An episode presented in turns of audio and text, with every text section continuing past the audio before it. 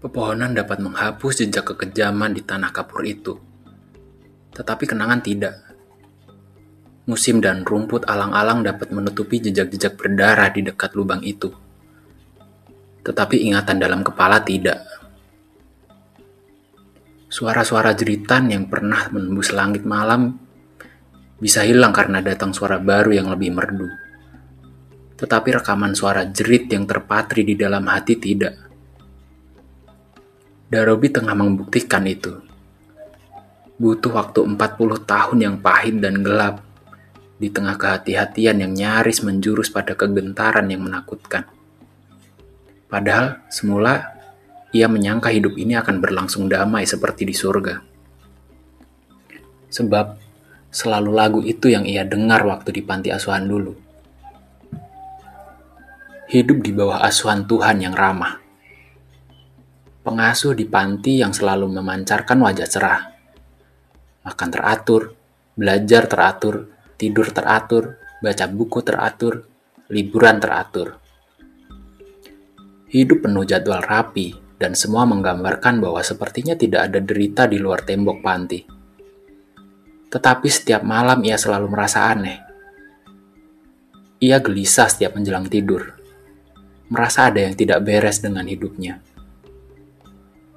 Sepertinya aku punya mimpi buruk. Tulisnya di buku harian. Mimpi buruk apa? Aku tidak tahu. Yang jelas aku seperti terus diburu oleh suara-suara bengis, teriakan, dobrakan di pintu, tangis perempuan, pukulan-pukulan, teriakan panik banyak orang karena ada rumah yang dibakar, dan pelarian menuju waktu yang tidak jelas dan melelahkan. Apa yang sesungguhnya terjadi waktu aku kecil dulu? Aku tidak tahu. Sebab ingatanku selalu terpotong oleh peristiwa bahwa aku tiba-tiba saja merayakan ulang tahun yang kelima di panti asuhan. Ada tepuk tangan, lilin, hadiah-hadiah, lagu-lagu, dan pengasuh yang menjadi ganti orang tuaku. Dan siapa sebenarnya aku ini? Siapa orang tuaku? Mengapa aku berada di sini? Dan tidak berada di rumah-rumah yang menjadi pelindung anak-anak sebayaku. Mengapa aku tidak seperti mereka? Mengapa aku tidak punya orang tua, saudara, bahkan masa lalu yang jelas? Kalau orang tuaku sudah meninggal, di mana kubur mereka sehingga aku dapat berziarah setiap aku membutuhkan? Kalau saudara-saudaraku juga sudah meninggal, di mana kubur mereka? Kalau mereka masih hidup, di mana mereka? Ya, siapa yang merampas mata rantai hidup silamku ini? Kenapa mata rantai kehidupan seseorang seperti milikku ini harus dirantas putus sehingga aku hanya memiliki potongan-potongan masa kecil yang ketika ku ingat-ingat justru akan mempertegas kemalangan hidupku? Ia terus menulis buku harian. Dengan menulis buku harian, kesadarannya akan hidup dan sejarah hidupnya tumbuh. Tetapi sejarah hidup itu sepertinya bermula dari lubang hitam dan akan menuju lubang hitam yang lain. Aku harus menemukan masa silamku agar masa depanku bisa menjadi jelas dan terpahami. Tulisnya suatu malam setelah ia lulus sarjana di wisuda dan gemetar ketika sadar kalau sudah tiba saatnya ia keluar dari panti asuhan untuk terjun ke dunia bebas di luar yang ia lihat cukup ganas. Sejak sekolah menengah pertama, sekolah menengah atas, ia tidak bosan-bosannya menanyakan perihal masa silamnya kepada para pengasuhnya. Mereka hanya menjawab dengan tangis. Suatu hari, engkau akan tahu sendiri, nak. Tetapi tolong beri aku penjelasan, Bu.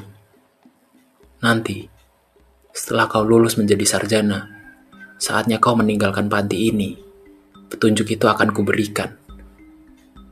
Kenapa tidak sekarang? Belum waktunya. Kami tidak mau sekolah dan belajarmu terganggu. Dan setelah itu, semua orang di panti asuhan seperti membisu. Mereka berkomplot untuk tetap merahasiakan masa lalu si anak malang ini. Ia berusaha untuk melupakan itu, tetapi jelas tidak bisa. Yang mampu ia lakukan hanya terus menulis buku harian. Ia pun bertekad untuk mempercepat waktu kuliah dengan memburu nilai ujian sebaik-baiknya. Ia juga belajar mencari uang. Ada dosen yang kagum pada kecerdasannya, kemudian mempercayai dia menjadi asisten dosen.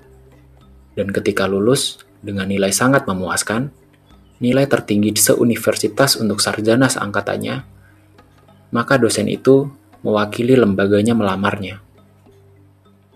Tidak ada yang lebih baik yang akan kau lakukan selain engkau mengabdi di universitas ini. Menjadi dosen. Peluangmu sangat bagus. Dan sambil menjadi dosen, engkau dapat melanjutkan kuliahmu sampai tataran tertinggi. Kata dosen itu dengan nada penuh ketulusan. Ia tatap mata dosennya. Apa tidak ada kemungkinan lain, Pak? Kalau ini kemungkinan terbaik, kenapa kau tolak? Ia menyerah pada bujukan dosen itu. Jadilah ia pengajar di alma maternya. Keputusan ini ia sampaikan kepada pengasuh panti asuhan. Mereka menangis, merangkulnya bergantian. Keputusan yang tepat, nak. Tidak ada pekerjaan yang lebih mulia di negeri ini selain menjadi pendidik. Jadilah pendidik yang baik. Kami selalu berdoa untukmu. Ya, kami mendukungmu. Carilah sukses hidup lewat cara yang mulia ini. Ia pun menangis, mengingat kebaikan mereka. Ketulusan mereka membuatnya selalu gemetar. Ia hampir tidak dapat berkata-kata selain kalimat pendek untuk menyatakan terima kasihnya. Saya juga selalu berdoa untuk keselamatan dan kesejahteraan Bapak dan Ibu semua, katanya dengan suara lirih. Sebenarnya ia enggan meninggalkan panti asuhan. Surga yang ia lewati pada usia kanak-kanak sampai menjelang dewasa ini. Tetapi ia tahu, ia harus pergi mencari penghidupan sendiri di luar panti, bekerja mencari rumah sendiri, dan mencari cinta untuk menemaninya melanjutkan hidupnya. Waktu akan meninggalkan panti, ia hampir lupa akan janji pengasuhnya. Dan pengasuh itulah yang mengingatkannya kembali. Kau tidak ingin mendapatkan petunjuk yang kau inginkan itu. Oh ya, Bu, saya hampir lupa. Baik, tunggu sebentar. Perempuan itu memberikan amplop tebal. Carilah orang yang namanya ada di dalam amplop ini. Dialah yang dulu mengirimu kemari. Aku dulu berjanji, setelah kau jadi orang, aku akan mengirimu kembali kepada dia. Siapa dia, Bu? Cari sendiri. Hidup menjadi mirip puzzle atau teka-teki silang. Isi amplop itulah jawaban pertama. Ia harus berjuang untuk menemukan jawaban selanjutnya sampai semua akan terungkap. Dan ternyata pengetahuan itu menyakitkan. Ia merasa makin malang dan makin luka ketika tahu siapa dirinya. Lewat mata rantai sumber informasi, orang-orang yang harus ia temui. Sebab mereka selalu memulai ceritanya dengan tangis, pilu, goda masa lalu, penyesalan dan amarah terhadap diri sendiri dan keadaan. Seluruh hidup seperti bertabur dengan kekejaman dan kekejian. Peta terang tampak seperti peta gelap sebuah perjalanan manusia dan bangsa. Yang ia temui adalah seorang lelaki tua. Meski masih tampak gagah, tetapi rambut ubah dan gerut di wajah tidak dapat menyembunyikan usia. Kau pasti Darobi ya. Sambut lelaki itu begitu pintu rumah dibuka setelah tiga, ta tiga kali ketukan agak keras terdengar. Iya pak, saya diberitahu oleh pengasuh panti untuk menemui bapak. Mana surat pengantarnya? Ini pak. Lelaki itu membuka amplop, membaca surat, lalu mengangguk-angguk. Saya ikut bersyukur dan bahagia karena kau telah lulus kuliah, bahkan telah bekerja sebagai dosen. Tuhan Maha Agung dan Maha Adil. Kata lelaki itu lirih. Lelaki itu mengamati Darobi lama, tanpa berkata. Matanya jernih. Makin jernih karena basah. Pak, saya ini sebenarnya siapa, Pak? Kenapa setiap orang yang saya tanya tentang asal-usul saya selalu menangis, Pak? Tanya Darobi tidak tahan lagi. Lelaki itu terus mengalirkan air mata. Ia tertunduk. Dadanya terguncang-guncang. Saya ini tentara, nak. Pensiunan tentara. Seharusnya saya tidak menangis, katanya. Kenapa, Pak? Tumpukan luka dan duka penyebabnya. Maksud Bapak? Adalah tahun-tahun kelam, setelah kemerdekaan tahun 48. Pemberontakan di tengah ancaman penjajah yang mau masuk kembali. Waktu berumur 4 tahun, keluarga saya disembeli oleh pemberontak. Untung saya diselamatkan oleh seorang anggota tentara, lalu diasuh oleh tokoh PNI. Awalnya saya juga tidak tahu siapa saya, karena setiap malam saya bermimpi buruk maka hampir setiap hari saya terus bertanya tentang siapa saya, dari mana asal-usul saya. Saya menduga kalau mimpi buruk itu ada hubungannya dengan masa lalu saya ketika kecil. Orang tua asuh saya yang kebetulan menjadi lurah itu kemudian menceritakan apa adanya. Saya pun marah dan terguncang. Pada saat liburan, diam-diam saya menghilang dari rumah. Mencari bekas-bekas rumah saya dulu tidak kutemukan. Bekas desa saya dulu yang kabarnya dibakar dengan mayat-mayat hangus itu kemudian tidak ada lagi penghuninya. Menjadi tempat angker, tumbuh perdu, semak, dan pohon besar. Menjadi hutan liar. Tidak ada orang yang bisa kutanyakan lagi.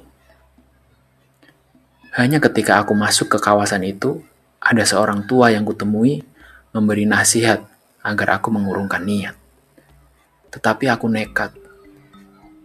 Yang kutemukan hanya pepohonan yang tumbuh tidak teratur. Kujumpai satu dua bekas dinding rumah, sumur, manik-manik rentas, jam dinding yang tinggal besi berkarat. Aku gagal menemui jejak masa kecilku. Lalu aku keluar dari tempat itu. Ketemu lagi orang tua itu. Dan dia hanya menggeleng kepala setiap kutanya menjengkelkan juga. Kalau ia masih muda, pasti ku tantang berkelahi. Darobi bingung mendengar penuturan lelaki di depannya. Lantas apa hubungannya cerita bapak barusan dengan saya, pak? Hubungannya jelas. Kau adalah korban balas dendam. Keluarga yang tahun 48 dibantai, pada tahun 60-an dengan hasutan oleh munculnya daftar hitam dari intelijen Amerika ganti membantai. Sayang, renggu saya agak terlambat sampai di desamu. Ayah ibumu sudah dibawa pergi menuju pegunungan. Rumahmu dibakar, dan kau dibiarkan menangis. Ketika ada orang mau membungkam mulutmu dengan potongan kayu, ku bentak dia. Kau ku bawa, ku sembunyikan. Aku teringat nasibku dulu.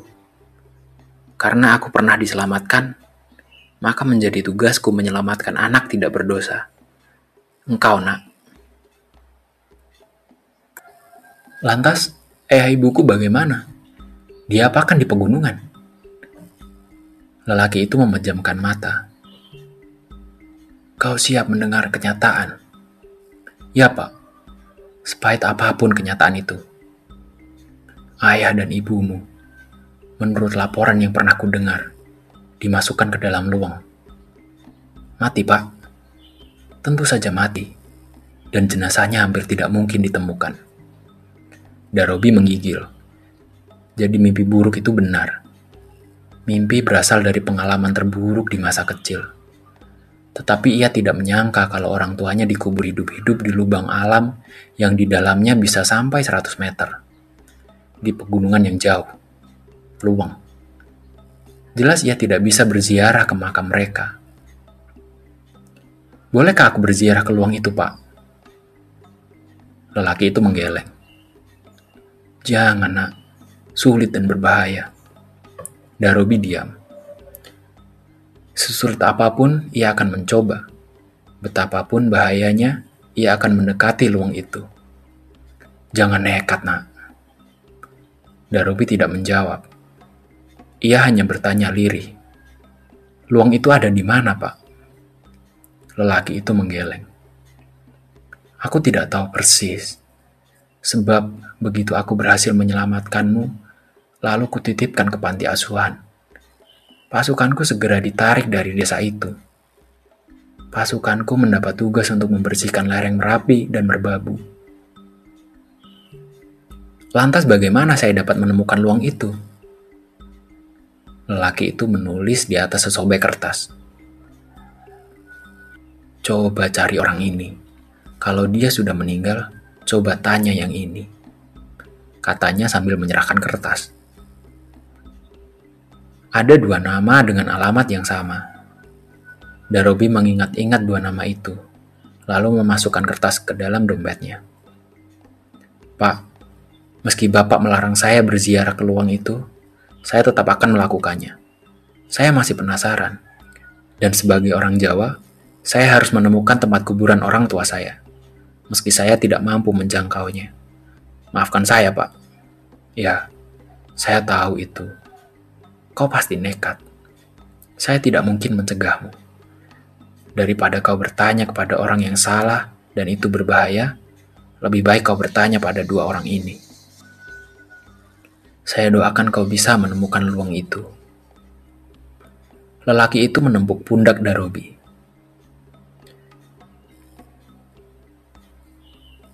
Saya bersyukur karena hidup saya ternyata ada gunanya. Menyelamatkanmu dan tidak membiarkanmu terbunuh, membuat saya bangga menjadi manusia. Padahal biasanya, sebagai tentara pekerjaanku berperang dan berperang. Itu artinya membunuh orang. Untunglah Tuhan memberi kesempatan kepadaku untuk memelihara kehidupan, walau itu hanya untuk satu orang. Saya juga bangga padamu, nak karena ternyata kau selamat dan mampu menata hidupmu. Darobi memeluk lelaki itu lama dalam hujan tangis yang seperti tidak berkesudahan. Jasa Bapak sangat besar. Tidak mungkin saya tebus dengan apa pun. Yang mungkin saya lakukan hanyalah berjanji akan ikut menyebarkan kebaikan di muka bumi. Sebagaimana telah Bapak berikan kebaikan itu kepadaku. Benar, Nak. Yang penting, hapuskan dendam dalam dirimu.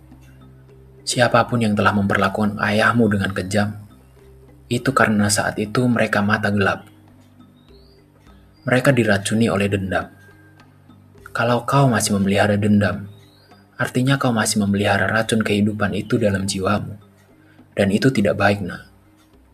Ya, Pak. Selamat jalan. Doaku selalu kukirim ke hadirat Tuhan untuk keselamatanmu, nak. Terima kasih. Saya berjanji akan selalu berdoa untuk keselamatan dan kemuliaan Bapak. Hujan tangis reda. Darobi merasa hidupnya berubah. Ia telah menemukan awal dari sejarah hidupnya. Dan untuk menemukan alur sejarah hidup lebih lengkap, ia harus meneruskan langkahnya. Masuk ke pelosok desa menuju alamat yang tertulis di kertas itu. Dua orang yang namanya tertera dalam kertas mula-mula tidak mau menyebut nama luang itu. Setelah didesak, keduanya bergantian menyebut nama luang itu. Tetapi ketika diminta untuk membuat denah, keduanya menolak. Diminta untuk mengantar mencari luang itu juga menolak. Kenapa, Pak? Tanya Darobi pada orang pertama. Saya takut. Saya tidak kuat mengingat kejadian terkutuk itu. Jawabnya. Orang kedua menjawab hampir senada. Jangan bertanya lagi. Jangan bebani saya dengan mengunjungi tempat itu lagi. Darobi mau marah, tetapi tidak jadi. Ia tidak tega memarahi orang tua rapuh seperti mereka. Mungkin bagi kedua orang itu, kejadian di tahun 60-an itu sangat mengguncang jiwa. Mungkin mereka terlibat pembantaian itu. Mereka ingin menutupi sejarah kelam hidupnya dengan melupakan kejadian itu. Tahu-tahu kok muncul orang kota mau membongkarnya. Darobi kembali ke kota dengan potongan teka-teki hidupnya yang belum terjawab seluruhnya. Di kampus ia bertanya-tanya kepada mahasiswa. Apakah di fakultas ini ada temanmu yang ikut kelompok pecinta alam? Atau temanmu yang punya hobi menelusuri gua? Tidak ada, Pak. Yang ada dari fakultas sebelah. Tolong carikan saya infonya. Baik, Pak. Sehari kemudian, mahasiswa itu menemui Darobi sambil mengajak seseorang mahasiswa yang mengenakan celana kargo, berjaket, dengan berambut agak panjang. Ini pak, teman saya, Marto. Dia pemimpin kelompok penelusur gua dari fakultas sebelah. Darobi menjabat tangan Marto rata-rata ngobrol masalah pecinta alam, hobi menelusuri gua, termasuk gua vertikal yang disebut luang. Kalau luang yang banyak di pegunungan sana, Pak. Yang terkenal dengan luang jemblung dan luang gebuk. Marto membuka laptop. Ia menayangkan hasil pemotretan ketika menelusuri luang itu. Dari cerita yang panjang ketika menerangkan foto-foto itu, Darobi tahu di mana orang tuanya dulu dilempar ke dalam luang. Jadi, yang ini nyambung dengan luang ini ya? Tanya Darobi. Iya pak, lebih mudah masuk lewat yang ini. Lalu ada gua horizontal, panjang, dan sampai di lubang kedua ini. Pemandangannya bagus, tapi titik ini kabarnya angker pak.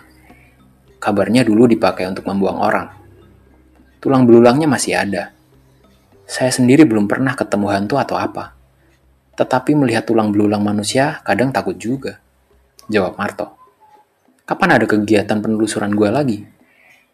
Sebulan lagi, Pak, untuk para pemula. Saya boleh ikut. Saya ingin melihat pemandangan yang menakjubkan di bawah tanah seperti ini. Tetapi kan tidak ada hubungannya dengan disiplin ilmu Bapak. Saya hanya ingin menyegarkan jiwa. Tapi Bapak perlu berlatih turun vertikal pakai tali loh. Dan Rubir tertawa. Di SMA dulu, saya anggota pecinta alam. Meluncur dengan tali sudah biasa. Wah, kalau begitu oke, Pak. Benar, tulang belulang itu masih ada. Letaknya agak jauh dari tempat para penelusur gua itu berdiri. Tulang belulang itu bertumpuk-tumpuk.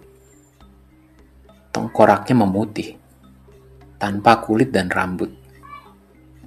Mungkin hanyut ke mana? Darobi memejamkan mata.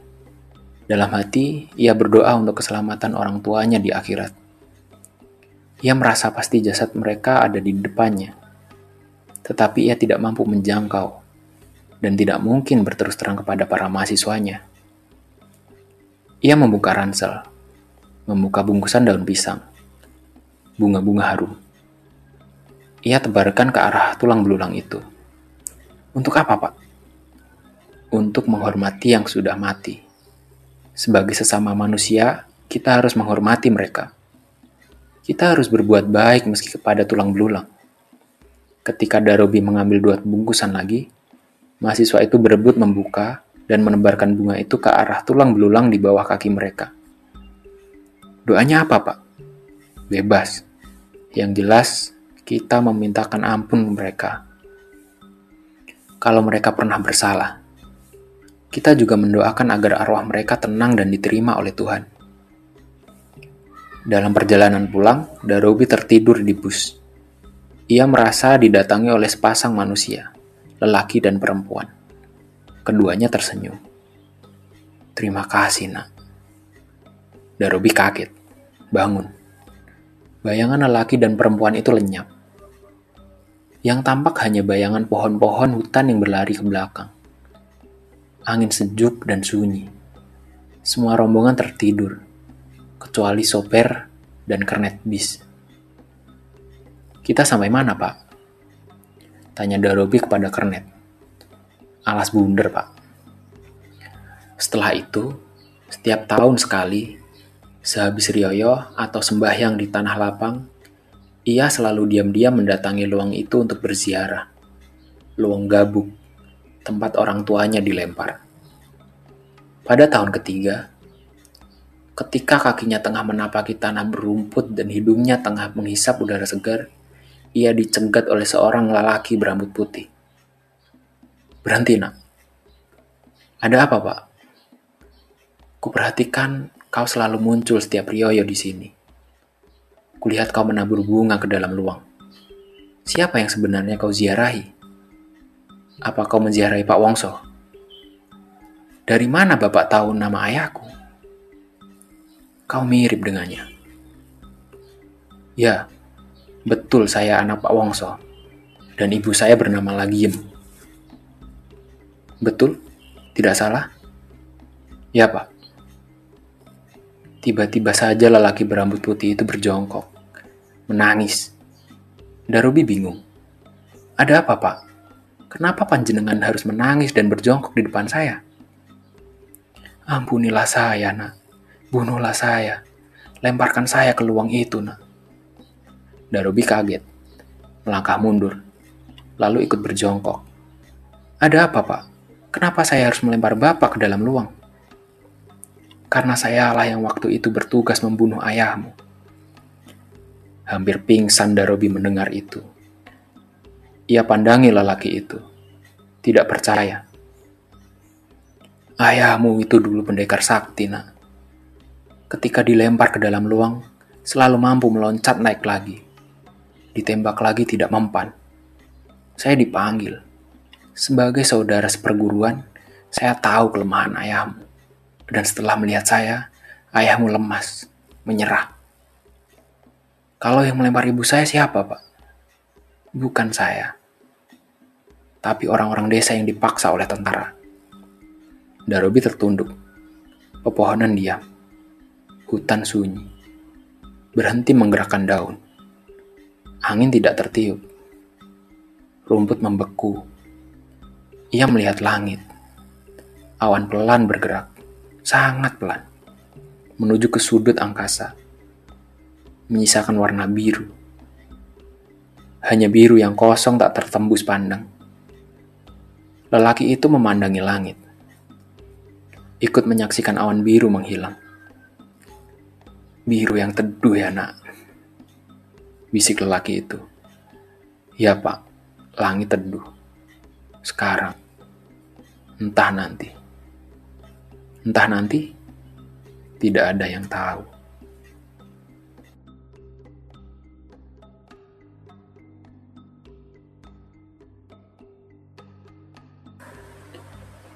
Cerita pendek berjudul Ziarah di Atas Ruang karya Mustafa Hashim tahun 2010. Terima kasih.